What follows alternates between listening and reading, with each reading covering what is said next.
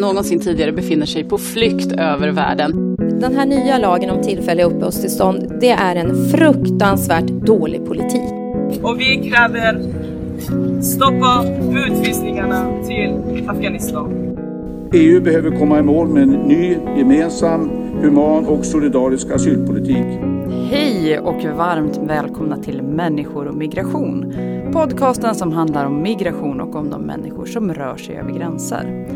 Jag som pratar nu, jag heter Maja Dahl och jag är kommunikationsansvarig här på Arena Idé som ger ut den här podcasten. Och idag så ska vi prata om tiggeriförbud. Frågan om tiggeriförbud har med jämna mellanrum tagits upp i den offentliga debatten. Och under hösten har Vellinge kommun röstat för ett tiggeriförbud och Moderaterna har gått ut med att de förespråkar ett nationellt förbud. Men hur ska ett sådant förbud fungera? Ja, I debatten framgår det att eh, det är de hitresta romerna som eh, förbudet riktas mot. Men går det att förbjuda enbart dem eller kommer förbudet även slå mot svenskfödda hemlösa och frivilligorganisationer som ber om pengar? Vad har egentligen EU-medborgare för rättigheter när de kommer till Sverige och vilka skyldigheter har deras hemländer? Har du som EU-medborgare rätt att åka till ett annat land utan en säker möjlighet att försörja dig? Ja, med mig idag för att besvara de här frågorna har jag som vanligt Arena Idés utredningschef, statsvetaren Lisa Pelling. Välkommen! Tack så mycket! Och dessutom har vi den stora äran att ha Johanna Westesson här med oss i studion. Johanna är jurist och sakkunnig i diskrimineringsfrågor på Amnesty med särskilt fokus på bland annat diskriminering av romer och har tidigare jobbat på Civil Rights Defenders med rättsprocessen kring Skånepolisens register av romer. Välkommen Johanna och tack för att du kan vara här. Tack! Jag tänkte att innan vi går in och ger oss in på det rent liksom, lagtekniska och den rätts, rättighetsbiten av den här frågan, så vill jag att vi börjar med att besvara frågan varför? Vad är det för problematik som politiker tror sig kunna lösa med ett tiggeriförbud? Lisa, vad, hur argumenterar man? Ja, om man, om man ska ta Moderaterna på orden, som är de som nu senast har gått ut och sagt att de vill se då ett nationellt förbud mot eh, tiggeri, eh, så har de stämma nu i helgen, börjar den 12 oktober fram till den 15 oktober. Och då har de eh, handlingar till stämman och där skriver de så här om tiggeri. Det förorsakar otrygghet i kollektivtrafiken, oordning utanför butiker och så skriver de boplatser på gator i parker som medför sanitära olägenheter och nedskräpning. Så det är en, en del, någon slags otrygghetsfråga, oordning, nedskräpning. Men så skriver de också att tiggeri sätts i samband med eh, Eh, kriminalitet, styrs av kriminella aktörer, skriver de. Eh, de beskriver multiexploatering av utsatta EU-medborgare som vid sidan av triggeri utnyttjas för till exempel eh, prostitution. De skriver att det förekommer uppgifter om att grupperingar betalt för och styr över användningen av offentliga platser för tiggeri. Observera att jag citerar handlingar till Moderaternas arbetsstämma hela tiden. liksom lite häpnadsväckande att i samma stycke mycket som de nämner allt detta så skriver de plötsligt Flera brutala attacker mot tiggare har ägt rum. Precis som att de här brutala attackerna mot tiggare skulle ha någonting att göra med den kriminalitet som eh, eh, finns kring en del väldigt, väldigt utsatta eh, människor. Det här är ju i själva verket högerextrema eh, fascistiska grupperingar som har gett sig på eh, tiggare på det mest brutala sätt. Vi ska nog vara glada över att ännu ingen har omkommit, men det är nog bara liksom en, en tidsfråga. Den, den argumentation nu som, som eh, Lisa lyfte, just när det handlar om trygghet och att det handlar om att det är ordning. Känner du igen den Johanna, eller är det andra argument du möter på? Jag känner absolut igen den och jag tycker att det är väldigt intressant att, att höra de här argumenten för att i debatten så är det jag tycker att det hela tiden växlar mellan det som du nämner Lisa, den här oordningen, de störande inslagen i gatubilden, det blir smutsigt, det blir skräpigt. Och sen så, så liksom böljar det över till någon sorts omsorg eller förmodad omsorg om de människor det handlar om. Och då kommer vi in på det här med brottslighet och att, att det är exploatering och, det, och, och att tiggeri per definition är framställs som någonting alltid skadligt som inte kan leda till någonting konstruktivt. Så att jag känner att det är argumentationen Alltså det egentliga syftet skulle jag hävda är att man från svenskt håll vill bli av med den här störande, det här störande inslaget i gatubilden. Men det kläs ofta i termer av omsorg om de människor det gäller. Jag skulle också vilja lägga till där att min uppfattning efter att ha pratat med en hel del politiker om den här frågan från, från flera olika partier är att det stör den svenska självbilden att ha väldigt, väldigt utsatta människor som sitter och tigger för sin försörjning eh, i offentligheten i Sverige. Det är ju inte så vi ser på Sverige. Sverige är ett välfärdssamhälle. Vi ska inte ha den här formen av synlig fattigdom här. Eh, och det här upplever jag väldigt starkt, att det, här, det passar liksom inte in, så det måste bort. Mm. Skiljer den här bilden sig, hur, alltså hur skiljer det sig mellan de olika partierna lite? Du lyfter nu liksom Moderaterna säger, men vilken, vilken argumentation för tiggeriförbud säger till exempel Sverigedemokraterna? Vad, vad lyfter andra politiker och andra personer som föreslår tiggeriförbud för skäl? Alltså frågan är om man kan skilja Sverigedemokraternas skrivningar och politik i de här frågorna från Moderaternas. Det är jag faktiskt osäker på efter de här eh, stämmohandlingarna. Jag skulle behöva gå in och, och kolla men jag har svårt att tro att eh, Sverigedemokraternas politik skiljer sig särskilt mycket. Det man kan säga om, om Socialdemokraternas eh, politik som ju hade, de hade ju kongress i våras, i april eh, under eh, Eh, rubriken eh, Trygghet var den stora liksom, frågan för, för kongressen. Och där skriver man i de eh, politiska riktlinjerna eh, att eh, tiggeri aldrig ska vara en väg ur fattigdom. Eh, tiggeriet ska motverkas men också dess orsaker.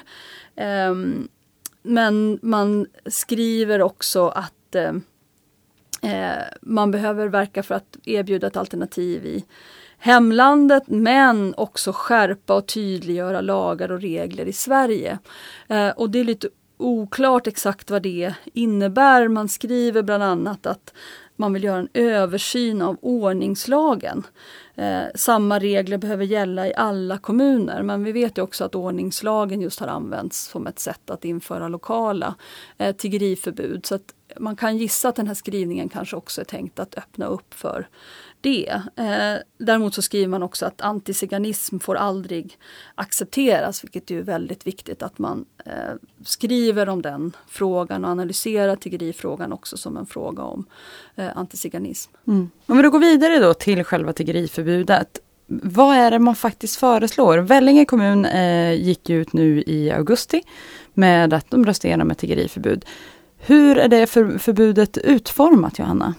Det är inte utformat, eh, mig veteligen. Eh, det som beslutet eh, som kom från kommunstyrelsen och som antogs i kommunfullmäktige, det, det, det beslutet säger är väldigt, väldigt kortfattat. Det säger att så kallad passivt insamlande av pengar, inom parentes tiggeri, eh, ska inte vara tillåtet eller något i den stilen inom vissa områden i kommunen. Och här har Vellinge kommun valt en annan modell än den som tidigare har prövats. Sala kommun försökte för några år sedan, 2011, införa ett eh, totalt tiggeriförbud i kommunen. Men det gick inte igenom. Det Länsstyrelsen eh, fann att det, över, det överensstämde inte med med ordningslagen helt enkelt. Så nu har Vellinge kommun sagt att okej, okay, de försöker en annan modell. De förbjuder det bara inom vissa områden. Sen är det givetvis så att de områdena är de kommersiella, eh, alltså kommersiella centra inom kommunen. Så Visst, man får sitta i en skogsdunge och tigga, men det är ju självklart så att det är helt meningslöst. Det är ingen som gör det. Man, man sitter inte på ett ställe där man inte tror att man kan få ihop pengar. Så att skillnaden i praktiken är ju eh, obefintlig skulle jag säga. Men de hoppas att genom att utforma det på det här lite mer detaljerade sättet eh, så ska det kunna gå igenom den lagliga prövningen. Men, men däremot hur det ska gå till rent konkret, eh, vad man kom, ska göra med människor som tigger, vad, hur mycket polisresurser som ska sättas på det här, det har jag i alla fall inte någon kännedom om. Det tror jag inte har ut, utformats. Mm. Du sa nu passivt insamling av pengar. Är det här en eh, lag, alltså någon, någon juridisk jargong som, som, man inte, som jag nog inte känner till, att det finns skillnad på aktivt och passivt insamling eller vad, vad innebär passivt insamling av pengar? Jag tror att det är den term som man har valt för att när man menar tiggeri. Det är ju redan så att man kan, det finns möjligheter att att lagföra den person som, som på ett aggressivt sätt ber om pengar. Alltså det finns, man, kan, man kan anmäla någon för ofredande som är väldigt, väldigt påstridig och så vidare. Så att jag tror att det här, det här språkbruket är ett sätt att säga det är inte ens tillåtet att bara stå med sin kopp. Um, så att alltså den aktiva pengainsamlingen eller det aktiva tiggeriet kan man redan komma åt enligt existerande lagar. Okej. Eh, om vi då tänker på, som vi sa inledningsvis har ju både Moderaterna och Sverigedemokraterna förespråkat liksom ett nationellt tiggeriförbud. Eh, hur skulle de vara utformade? Hur skulle, hur skulle det skilja sig från det man pratar om nu i Vellinge, där det är liksom eh, delar som ska, som ska avskärmas? Lisa? Eh, jo, det Moderaterna skriver då i handlingarna till sin eh, stämma, som när vi spelar in det här så har stämman inte varit, men jag, jag, jag tror, jag, jag tvivlar på att de kommer att fatta särskilt annorlunda beslut än det som står i, i handlingarna här. Då tar de sikte på tiggeri som försörjning. Eh, på så sätt så undantar de eh, insamling av pengar till exempel av olika välgörenhetsorganisationer. Eh, de tar, och undantar också på det sättet personer som till exempel säljer majblommor. Och även personer som i en akut nödsituation ber om pengar till bussbiljetten hem. Så att den, den typen av liksom att be om pengar i en akut nödsituation eller be om pengar till ett välgörande ändamål, det är undantaget. Men det handlar om att förbjuda människor att be om pengar för sin eh, försörjning. Finns det någon, eh, någon påföljd då? Så här, om du då bryter mot tiggeriförbudet, vad föreslås påföljden att vara? Skriver de inte, men man gissningsvis är det ju böter, eh, får man anta. Eh, sen finns det ju precis som i de andra fallen som Johanna nämnde, det finns en möjlighet att eh, att, så att säga, beivra att människor ofredas av personer som ber om pengar. Det finns ju också redan väldigt kraftfulla möjligheter att eh, beivra att människor utnyttjas av andra. Att väldigt utsatta människor, personer som inte ens kan få ihop till sin försörjning, eh, utsätts på olika sätt. Till exempel så finns det ju en skarp lagstiftning mot, mot människohandel.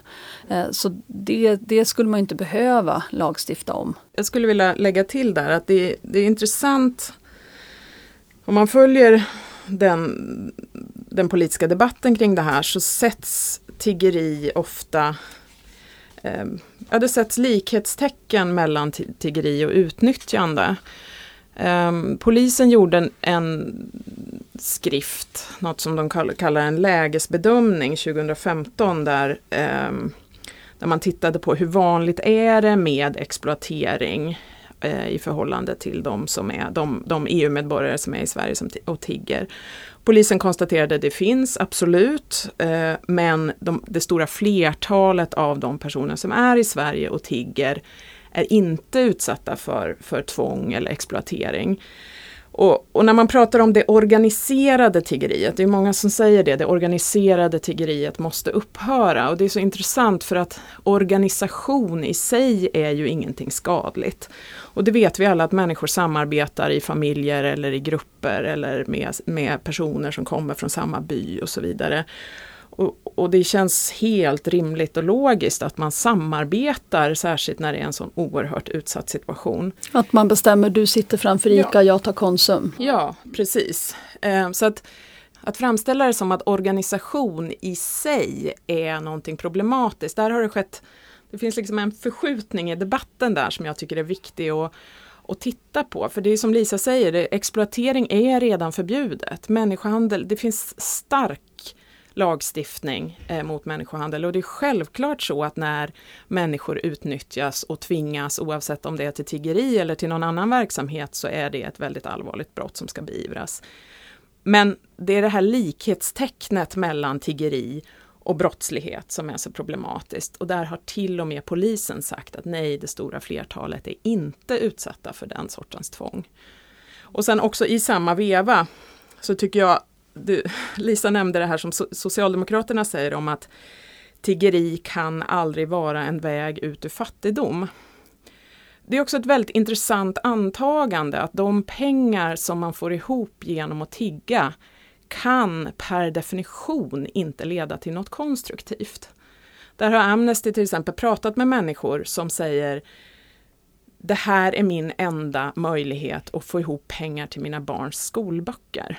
Eller lägga ett tak på mitt hus i Rumänien där det droppar in. Eller betala mina gamla föräldrars eh, sjukhusräkningar.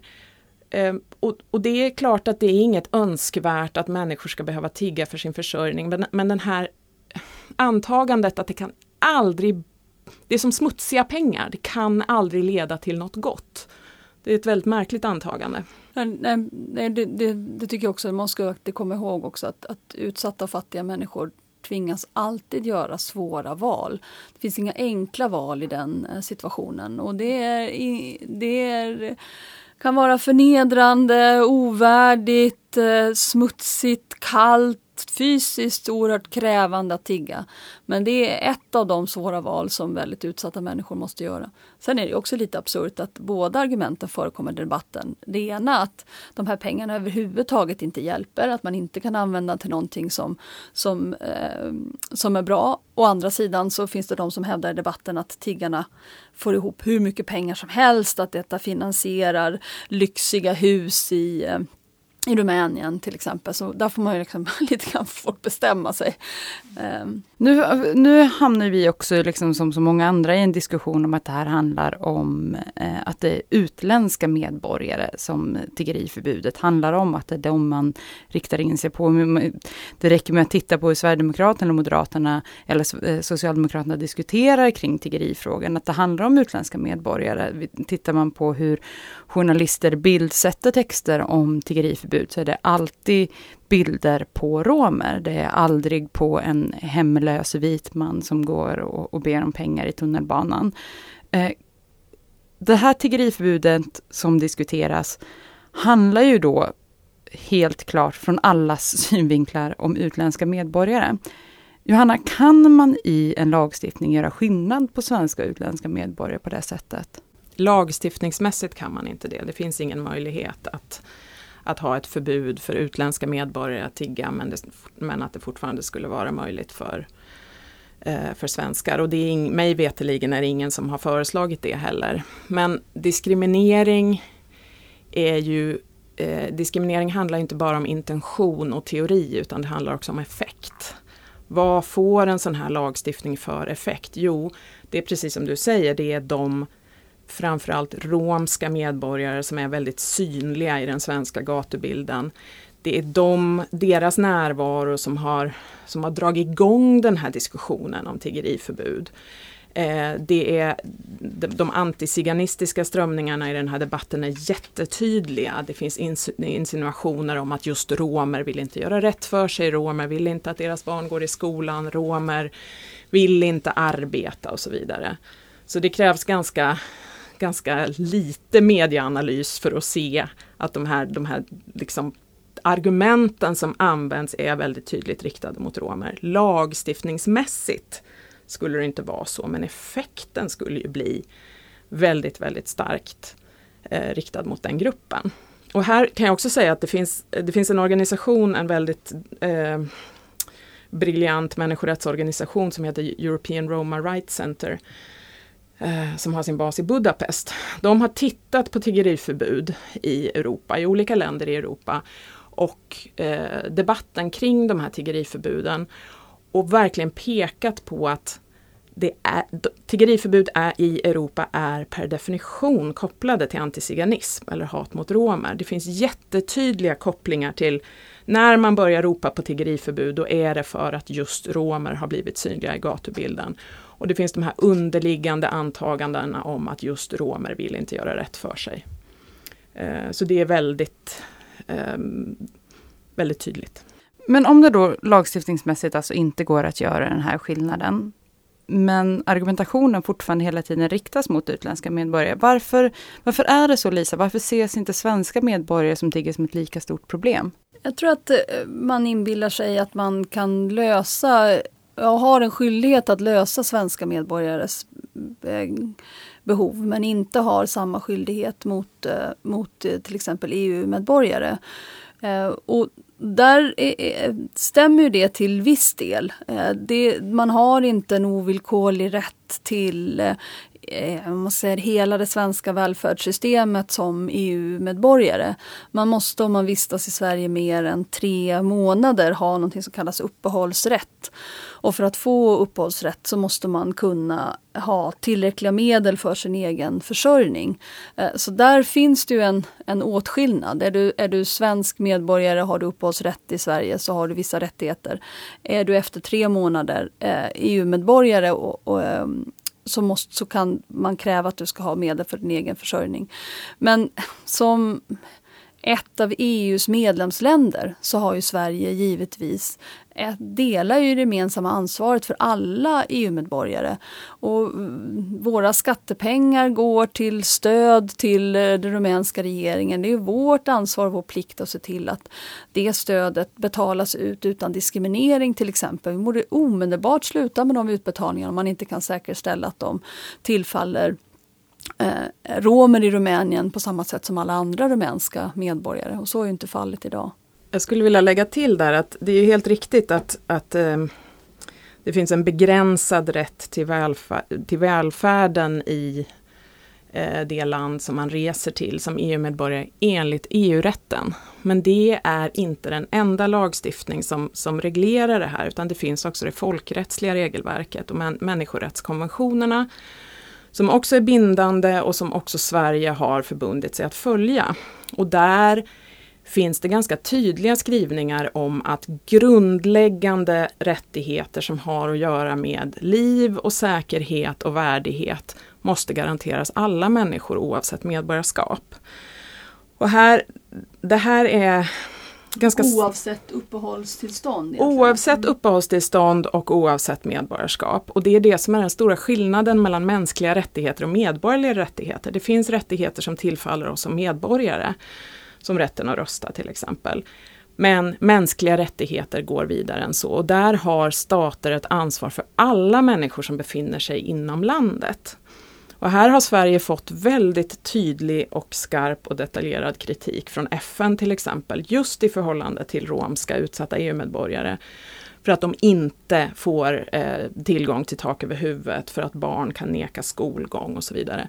Så att det, det det pratas väldigt ofta om EU-rätten och det är självklart att EU-rätten är viktig men det är inte den enda lagstiftningen som finns här. Man måste kunna hålla båda, båda bollarna, båda tankarna i huvudet. Trogna lyssnare av podden vet ju att när man pratar om eh, lagstiftning att det finns viss lagstiftning som trumfar annan lagstiftning. Hur står eh, liksom EU-rätten i förhållande till mänskliga rättigheter här? Ja, det är lite 10 000 kronors frågan. Eh, mänskliga rättigheter är i viss mån en del av EU-rätten. Eh, det finns en eh, grundläggande stadga om mänskliga rättigheter inom EU som är ett av de primärrättsliga regelverken inom EU.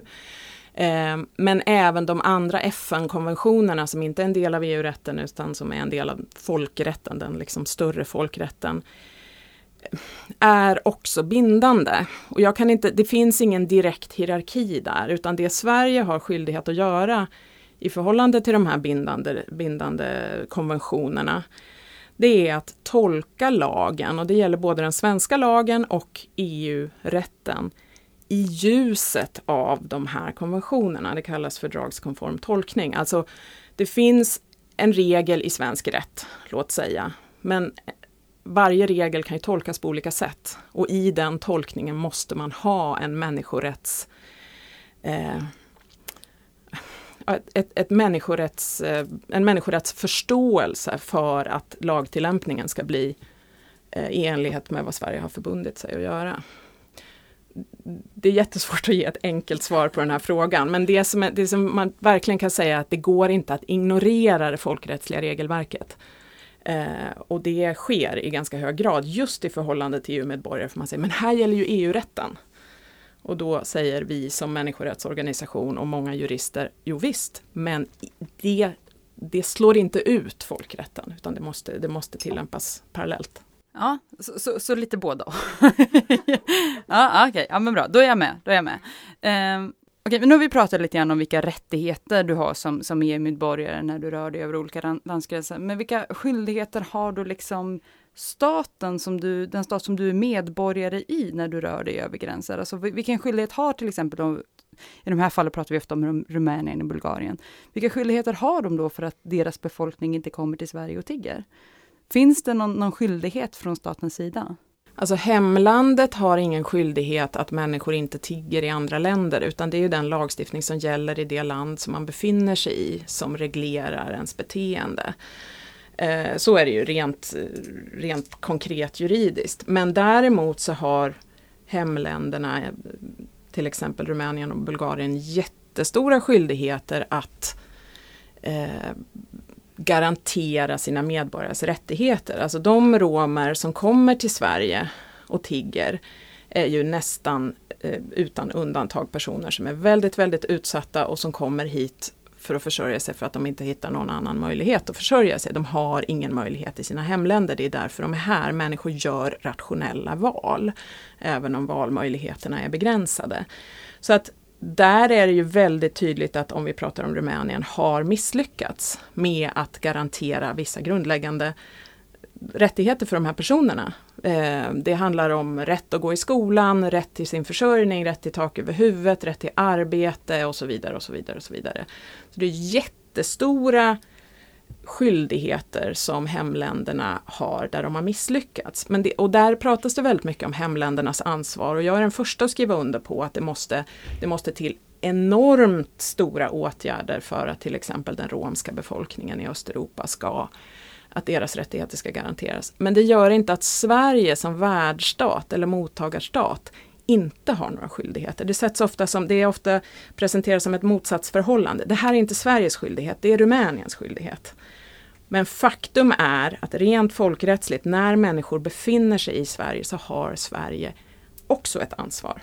Det är inte antingen eller. Men skulle ett, ett svenskt landsting som eh, förlöser en romsk kvinna från eh, Rumänien eh, kunna skicka räkningen för förlossningen till Rumänien och få den betald?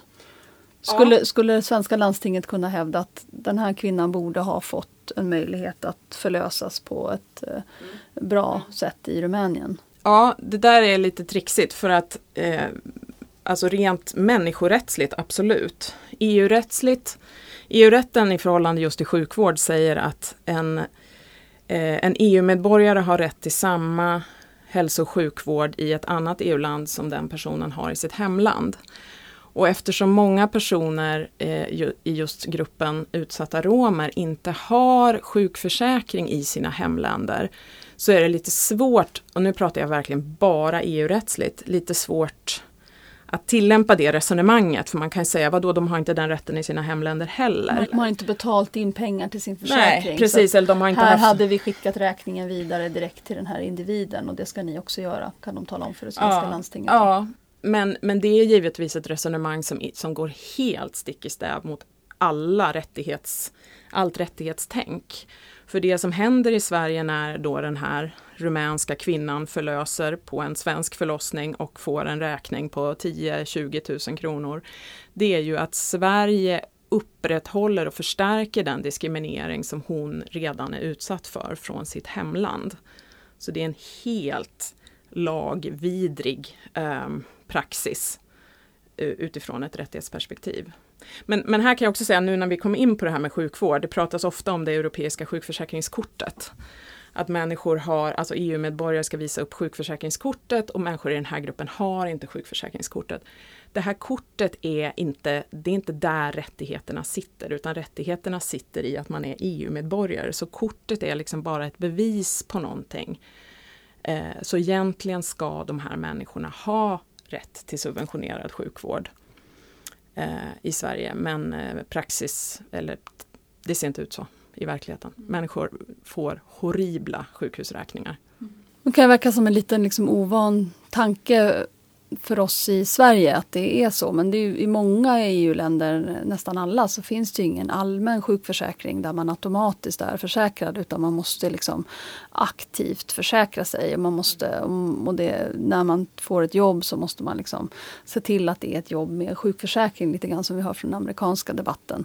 Och om man inte har ett eget jobb så måste man se till att vara medförsäkrad hos sin sambo eller sin man. Eller, eller så måste man betala in, om man är arbetslös så måste man betala in själv till, eh, till en sjukförsäkring. Och det är ofta ganska låga kostnader men för en familj som har som kämpar för att, för att ha mat för dagen till sina barn så är det ganska rimligt att det här inte är en, en kostnad som man prioriterar. Om vi då fortsätter titta lite grann på hur det ser ut i andra länder så vet vi att det finns tiggeriförbud i andra länder. Lisa, hur ser eh, tiggeriförbudet ut där? Ja, om vi går till vårt eh, närmaste grannland Norge så har de faktiskt en möjlighet att kommunalt förbjuda tiggeri. Men i dagsläget så vitt jag vet så är det bara en enda kommun i Norge som har gjort det, Lillesand. Men frågan har diskuterats väldigt aktivt i Norge den senaste tiden. Uppmärksammade så kallade dokumentären från eh, eh norska public service, NRK, som också har visats eh, i Uppdrag granskning här i Sverige.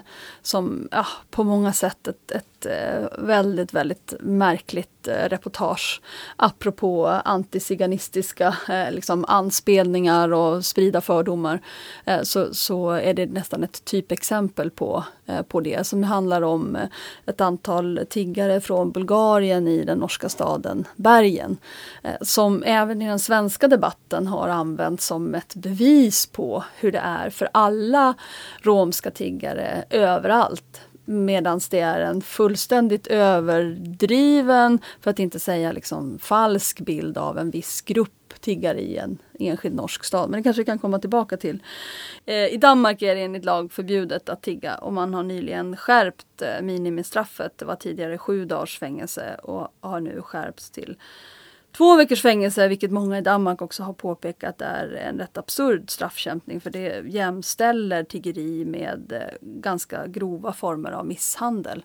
Eh, vilket är helt oproportionerligt. Får jag tillägga där att eh, Danmark är ett utmärkt exempel på det som, om, om man vill hitta kopplingar mellan motståndet mot tiggeri och fördomar och hat mot romer. För där i möten som föregick den här lagskärpningen som Lisa pratade om så var det högt uppsatta politiker från regeringspartierna som, som uttryckligen sa att det här är ett sätt att äntligen bli av med den romska plågan. Och det här är ett direkt citat. Eh, och när den här politikern som eh, ja, en högt uppsatt politiker Eh, blev ifrågasatt så vidhöll han att det här verkligen handlar om att just romer eh, kommer till våra välfärdssamhällen och eh, missbrukar vår välfärd och vill inte göra rätt för sig och vill inte arbeta och så vidare. Ehm, så att där är det, där, där har den dimensionen inte ens försökt döljas av, av politikerna. Mm. Och det har faktiskt kommit flera fällande domar efter den här lagskärpningen. Så det finns människor som har satts i fängelse för att de har tiggt i Danmark. I Österrike så har man också fört diskussioner om att helt och hållet förbjuda tiggeri. Men det är inte förbjudet och det eh, eh, har diskuterats eh, vad man ska definiera som aggressivt tiggeri och vad som i så fall ska vara ska vara förbjudet. Men som vi konstaterade tidigare så finns det redan ett förbud mot det i svensk lagstiftning. Man får inte antasta folk, man får inte ta på folk, man får inte ropa efter folk. Den, den typen av, av handling är inte, är, inte, är inte tillåten. Och nyligen kom en dom i eh, österrikiska författ, författnings domstolen som sa att det är mot den österrikiska konstitutionen att eh, förbjuda tiggeri helt och hållet som vissa österrikiska städer har gjort eh, försök att göra. Så det får man inte. Men däremot så, så finns det möjlighet att, att eh, eh, förbjuda eh, att man antastar människor. Visst var det så Lisa att i just den österrikiska eh, det här, den här domen att man konstaterade att det är att det skulle strida mot eh, skyddet för yttrandefriheten att förbjuda tiggeri eftersom de facto är att förbjuda människor att offentligt uttrycka sin nöd. Precis, och, och, det, och det är ju en bra påminnelse om just eh, kopplingen mellan tiggeri och mänskliga rättigheter. Ska man säga att, att liksom tiggeri är den sista utvägen för människor vars mänskliga rättigheter kränks. Att göra andra människor uppmärksamma på sin Eh, situation. Eh, och detta eh, är rimligt, säger det ska, måste man kanske inte göra på ett aggressivt sätt men man måste få göra det. Man måste få ropa på hjälp helt enkelt. Och där kan jag också tillägga att de som ropar på tiggeriförbud och klär det i, de här, i den här termen av omsorg av de personer det handlar om. Det, det, finns ju någonting som skaver där eftersom om, det nu, om vi nu menar att det är så oerhört förnedrande att tigga, att ingen ska behöva, det här hör vi ju hela tiden, ingen ska behöva sitta på sina knän och be om pengar i en kopp och så vidare. Och då, om det verkligen var så att det var verklig omsorg om människorna som det handlade om, då skulle ju eh, åtgärden inte vara att förbjuda deras enda möjlighet till försörjning utan erbjuda andra former av försörjning. Det vill säga göra det möjligt för de här människorna att försörja sig på annat sätt. Men det ser vi i princip ingenting av. Det finns några fantastiska organisationer runt om i Sverige som jobbar med med introduktion till arbetsmarknaden och jobbcoaching och sådär. Men från offentligt håll så är det i princip icke-existerande. Och om, ja men precis som du säger, om det var syftet, så skulle heller inte påföljden vara att de dessutom behövde betala böter. Nej. Som är det som är problemet från första början, med att de inte har pengar. Hur ska böterna betalas? På vilket sätt ska de få in pengar att betala böterna? Precis, och här tror jag också att det kommer in den här, de som, de som menar att tiggeri alltid är kopplat till brottslighet. Det har att göra med att någonstans förstår ju de allra flesta att det inte är så att vi kommer åt fattigdomen genom att förbjuda tiggeri. Men om vi då intalar oss att de som tigger är alltid i klorna på otäcka människohandlare så blir det på något sätt rimligt att förbjuda den här verksamheten. Det, det, det blir någon sorts jag vill inte ha tiggeri här och eftersom jag på något sätt förstår att det inte är bra för människorna att förbjuda dem från att be om hjälp så kan jag väl ändå intala mig att egentligen gör de nog inte det här av fri vilja. Egentligen är det nog någon boss som står bakom. Det finns också någon slags uppfattning om att ett förbud mot tiggeri skulle vara det som skulle tvinga Rumänien och Bulgarien och andra länder måste vi nämna Tjeckien i det här sammanhanget, Slovakien också som en fruktansvärd diskriminering av, av romer. Djupt rotad antiziganism eh, i, i länder som i övrigt faktiskt är relativt välfungerande. Så det är inte så att Rumänien är ett utfattigt land där alla människor bor i kåkstäder, inte kan eh, eh föda barn på ett säkert sätt eller ha sina barn i skolan utan det gäller verkligen specifikt den här gruppen människor som av resten av den rumänska befolkningen definieras som människor som har mörkare hudfärg. Så, så krasst liksom, eh, är det. Att detta att förbjuda tiggeri i Sverige skulle vara vårt enda medel för att tvinga de här länderna att ta ansvar när det i själva verket verkar fungera precis tvärtom. Det är, plöts, det är först när de blir synliga hos oss, när människor liksom finns i gatubilden och gör oss uppmärksamma på vilka kränkningar, vilket förtryck som har tvingat dem till våra gator. Det är då som vi börjar förhandla med Rumänien om att EU-stödet eh, ska komma hela den rumänska befolkningen till del. Att, eh, att man måste skärpa sin lagstiftning mot diskriminering, att man måste skärpa lagföring av människor som gör sig skyldiga till diskriminering och så vidare. och så vidare. Så det finns en liksom stark koppling mellan att människor rent fysiskt är här och en möjlighet att förändra deras eh, Eh, situation i hemlandet. Det finns de som säger att de som är på svenska gator och sitter utanför svenska livsmedelsbutiker är ambassadörer för en, en grupp eh, som tidigare har varit väldigt osynliga och ganska okända i Sverige. Och dessutom Thomas Hammarberg, för detta eh, kommissionär för mänskliga rättigheter i Europarådet, han brukar ofta påpeka, han har jobbat väldigt mycket med romska frågor, att om Sverige skulle förbjuda tiggeri så är det väldigt sannolikt att det skulle tas som, alltså ha precis motsatt verkan. Eh, det skulle tas av hemländernas regeringar som att titta, inte ens det godhjärtade och naiva Sverige orkar med de här romerna. Alltså det skulle verkligen leda till att föda och, och bibehålla de här djupt rotade diskriminering, den diskriminerande uppfattningarna som finns i hemländerna. Jag tänkte ändå att innan vi, vi avrundar här så skulle jag ändå vilja att vi pratar om den lagstiftning som redan finns. För visst, nu har vi pratat om tiggeriförbud och vi har pratat om hur, hur det skulle, vilka effekter det skulle få. Men det finns ju redan lagstiftning som är på plats. Som, som till exempel då förbud av organiserat tiggeri, som vi pratade lite snabbt om här idag. Skärpta regler för avhysning eh, och skärpta regler för människohandel. Riktar inte också just samtalet kring de här, den här delen av lagstiftningen också just sig mot romer, Johanna? Absolut. Det skulle jag säga. Alltså återigen, rent eh, lagtekniskt så är det ju inte någon specifik grupp som, som pekas ut. Men det har alla de här lagstiftningsinitiativen har tagits eh, mot bakgrund av att EU, romska EU-medborgare har blivit synliga i offentligheten i Sverige. Så är det absolut. Och att vi, att Sverige har inte haft eh, kåkstäder på länge. Det har inte varit så. Alltså det är ändå någonting nytt inom citationstecken. Det är inte så att det inte finns och har funnits fattigdom i Sverige, men den här oerhört synliga, akuta fattigdomen, det är någonting som har blivit väldigt eh, Ja men det är som ett sår som, som man från politiskt håll vill åtgärda, men då enligt, enligt min uppfattning och enligt ett, ett människorättsperspektiv så är det ju, man åtgärdar ju inte såret genom att straffa de som är mest utsatta. Utan man bara försöker få det att osynliggöras som någonting som vi inte ska behöva befatta oss med. Och låta bli att göra de lösningar som ju faktiskt står till buds. Det är, jag tycker att det är helt rimligt att man inte ska ha rätt att eh, bosätta sig på någon annans mark utan lov. Alltså jag, jag, skulle inte heller vilja ha någon eh, i, i min bostadsrättsförenings trädgård eller i, eh, liksom, på, eh, liksom vid, vid min sommarstuga.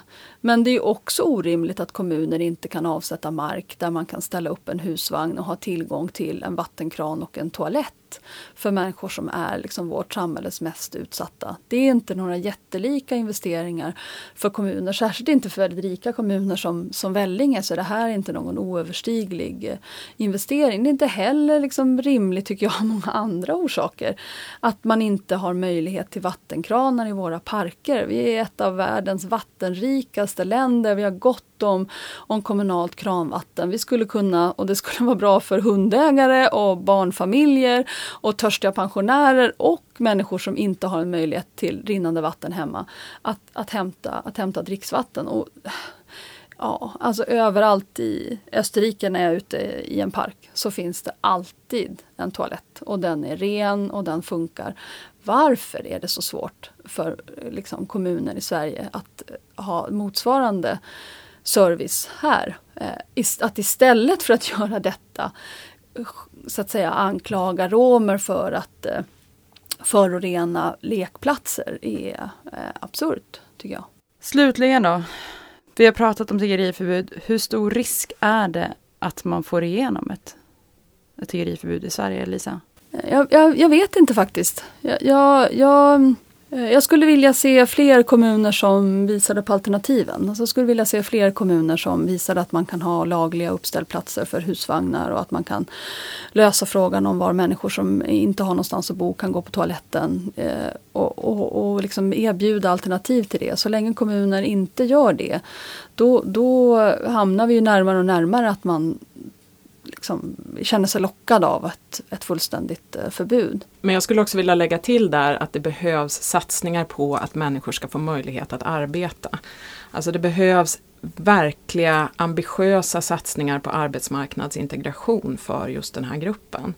Eh, för att människor inte ska behöva försörja sig genom tiggeri. När Amnesty pratar med människor i gruppen romska utsatta EU-medborgare så säger alla, varenda en utan undantag, jag vill ha ett jobb. Jag gör det här för att jag inte har ett jobb men jag vill inget hellre än att ha ett jobb. Så det krävs ju eh, och det är ganska slående att den eh, ambitionen saknas från det offentliga Sverige. Det finns återigen, det finns organisationer som jobbar fantastiskt. I Lund finns det ett härberge som är öppet där man kan bo under en längre tid och där man, där man coachar människor och hjälper dem eh, att komma in i samhället och där en, en ganska stor del av de människor som, som har bott på det härberget har lyckats få arbete och har kunnat flytta ut. Så det finns goda exempel. Eh, men det är slående tyst från det offentliga Sverige i, i, förhållande till de exemplen. Och det kan inte, jag kan inte tro något annat än att det tyder på att det finns en ovilja mot att ha de här människorna här. Och det är väldigt, väldigt oroande. Varför finns den oviljan? Alltså, jag, jag tänker att, att um, det sitter en människa och, och tigger är ett sånt um, eh, övertydligt tecken på ett politiskt misslyckande och att både lokala politiker och politiker på riksplanet de, de ogillar att känna sig misslyckade. Att i väljarnas ögon framstå som inkompetenta, som att inte ha någon kontroll, som att inte kunna lösa eh, viktiga problem. Jag tror att, att många politiker kan känna sig lockade av att lösa det här den enkla vägen och då upplever man att det ska vara enkelt att bara säga det är förbjudet att sitta ner och be om pengar, punkt slut, då ska man bli av med det här. Och det har vi gått igenom i det här avsnittet att så enkelt skulle det inte vara och det skulle inte vara möjligt. Men jag, jag, jag tror också att man måste se kopplingarna till migrationspolitiken. Att eh, det finns en uppfattning hos politiker att migration är någonting som man kan kontrollera. Att detta man säger att eh, invandringen till Sverige ska vara reglerad, då betyder det att man som politiker kan lova sina väljare att man ska ha absolut kontroll. Och och det är ett väldigt farligt löfte att utställa. En, en, en, en anledning är att vi lever i, inom EU och att vi har sagt att man inom EU ska få röra sig fritt mellan EU-stater och det gäller eh, studenter som slarvar bort sin plånbok och måste tigga om att komma hem och det handlar om utsatta medborgare som måste ta sig till andra länder för att få en minimum av försörjning. Det gäller oss alla, vi har förbundit oss och det är en del av liksom den europeiska välfärden att vi har den friheten. Men det är också eh, analogt med det när det gäller flyktingpolitiken. Den här ovillkorliga rätten att korsa en gräns för att söka skydd. är också någonting som politiker inte kan kontrollera. Människor, det är nästan en del av definitionen, man flyr okontrollerat över en gräns. Och vi har folkrättsligt förbundit oss att när en människa gör det så ger vi den människan tak över huvudet, en möjlighet till försörjning. Antingen så får man ett bidrag för försörjningen så får man tillåtelse att jobba under tiden som man prövar om man har rätt till skydd. Och om man inte kan garantera att eh, den här människan utsätts för förtryck eller förföljelse, tortyr, så måste den eh, personen beviljas skydd. Eh, det, det är det som är eh, asylrätten. Så jag tror att, att politiker som inbillar människor om att, att eh, detta är någonting som, att, ja, att man kan ha hermetiskt tillslutna gränser. Men detta är inte sagt att man inte kan reglera migrationen. Det kan man också. Man kan reglera jättemycket. Man kan bestämma vilken sorts arbetskraftsmigration man ska ha till Sverige och man kan, som vi har sett ju, eh, eh, också eh, reglera eh, asylinvandringen till viss mån, men inte helt och hållet. Det får bli det sista ordet om tiggeriförbudet. Det är alltså dags för sista frågan. Och som vanligt i den här podden så vill jag ju att ni funderar över vad är det ni kommer hålla extra koll på framöver inom migrationsområdet? Johanna? Jag kommer med stor frenesi att fortsätta följa frågan om EU-medborgares rättigheter i Sverige och i övriga Europa med särskilt fokus på romer och inte bara i förhållande till tiggeriförbud utan också vilka reella möjligheter det finns för människor att göra, att skapa sig en tillvaro i ett annat EU-land. Lisa Pelling, ja, vad säger du?